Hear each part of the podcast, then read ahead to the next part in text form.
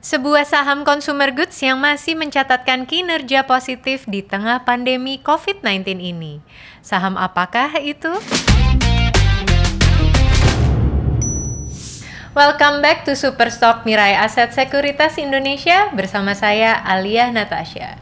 Di episode Superstock kali ini kita sudah memilih satu saham yang akan kita bahas tuntas. Bersama saya telah hadir Anggra ini dari One Asia Equity Sales Mirai Aset Sekuritas Indonesia. Halo Mbak. Halo Mbak Alia. Jadi hari ini kita bakal bahas salah satu perusahaan manufaktur di Indonesia Mhm. yang bernama Indofood Sukses Makmur atau Oke. yang teman-teman kenal dengan kode saham INDF. Oke.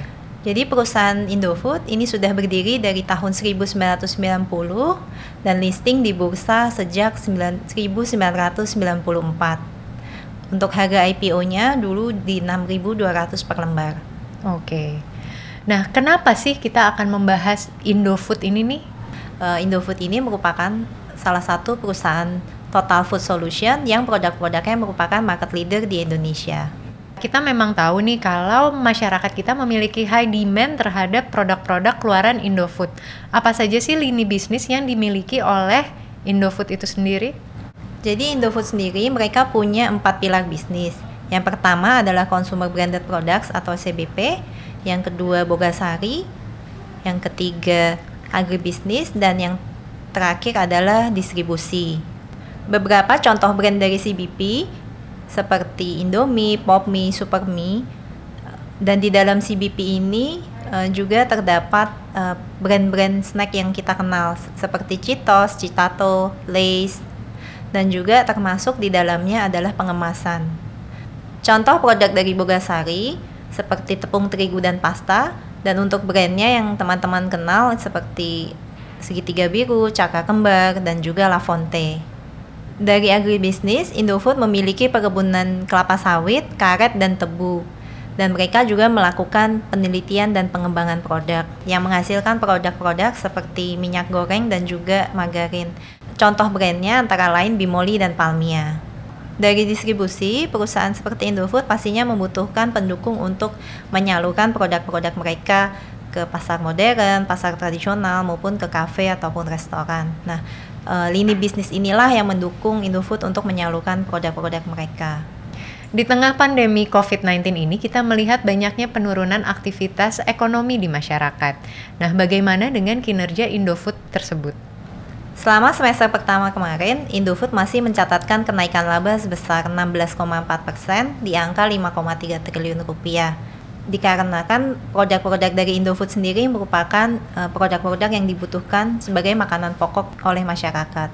Kinerja tersebut didukung oleh kinerja dari pilar CBP, agribisnis, dan juga distribusi. Dari produk yang dihasilkan oleh CBP, ternyata demand terhadap mie instan di tengah pandemi masih stabil. Dari agribisnis, karena harga CPO dunia membaik, jadi hal tersebut juga membantu kinerja perusahaan. Di tengah lesunya perekonomian akibat COVID-19, apakah faktor yang menjadi tantangan INDF di ke depannya? Karena produk-produk Indofood merupakan produk yang dikonsumsi masyarakat sehari-hari, maka consumer demand memegang peranan penting terhadap kinerja perusahaan. Nah, untuk di tengah pandemi ini, seperti yang kita tahu, kemampuan beli dari masyarakat itu menurun. Pemerintah memutuskan untuk memberikan bantuan langsung tunai sebanyak 600.000 per bulan. Hal tersebut ditujukan untuk pegawai dengan gaji di bawah 5 juta per bulan. Dengan adanya stimulus pemerintah yang memberikan bantuan langsung tunai atau yang kita kenal dengan BLT, eh, ke depannya diharapkan bantuan tersebut bisa mendorong eh, purchasing power dan consumer demand. Per hari ini, 11 September, pemerintah mengumumkan bahwa mereka akan memperpanjang periode pemberian BLT.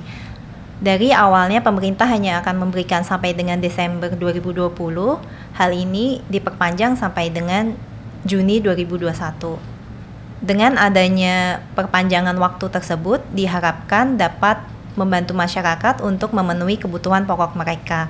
Dan karena Indofood merupakan perusahaan yang bergerak di bidang konsumer dan produk-produknya merupakan produk yang dikonsumsi masyarakat sehari-hari, hal tersebut harusnya bisa berpengaruh positif terhadap kinerja perusahaan. Bagaimana performance INDF dibandingkan kompetitornya pada saham-saham consumer goods? Seperti yang tadi saya jelaskan di awal, Indofood masih mencatatkan laba yang baik di semester pertama. Dan kalau misalkan kita bandingkan dengan kompetitor, Indofood masih memiliki valuasi yang lebih murah. Murahnya tuh seberapa mbak? Ya, jadi kalau Indofood dia valuasinya di 11 kali, Mhm. sedangkan untuk kompetitor itu di 17,8 kali. Oke. Bagaimana performance kompetitor lainnya? Apakah juga tetap mencatatkan pertumbuhan yang positif atau bagaimana, Mbak? Nggak semuanya mencatatkan pertumbuhan yang positif. Jadi ini luar biasa banget ya, Indofood bisa tetap menaikkan kinerjanya di tengah pandemi ini. Sebagai tambahan informasi, berdasarkan data year to date, harga saham Indofood masih mencatatkan penurunan sekitar 4%. Dan analis Mirai Aset mere- merekomendasikan Indofood dengan target harga sebesar 8.700 per lembar. Jadi masih layak dikoleksi ya, Mbak ya? Iya. Oke, terima kasih banyak Mbak Anggra ini atas informasi dan waktunya. Semoga bisa membantu teman-teman dalam merencanakan trading plan. Saya Alia Natasha beserta Saya Anggreni Setiawan. kami undur diri dulu. Sampai jumpa di episode Superstock selanjutnya. Happy cuan!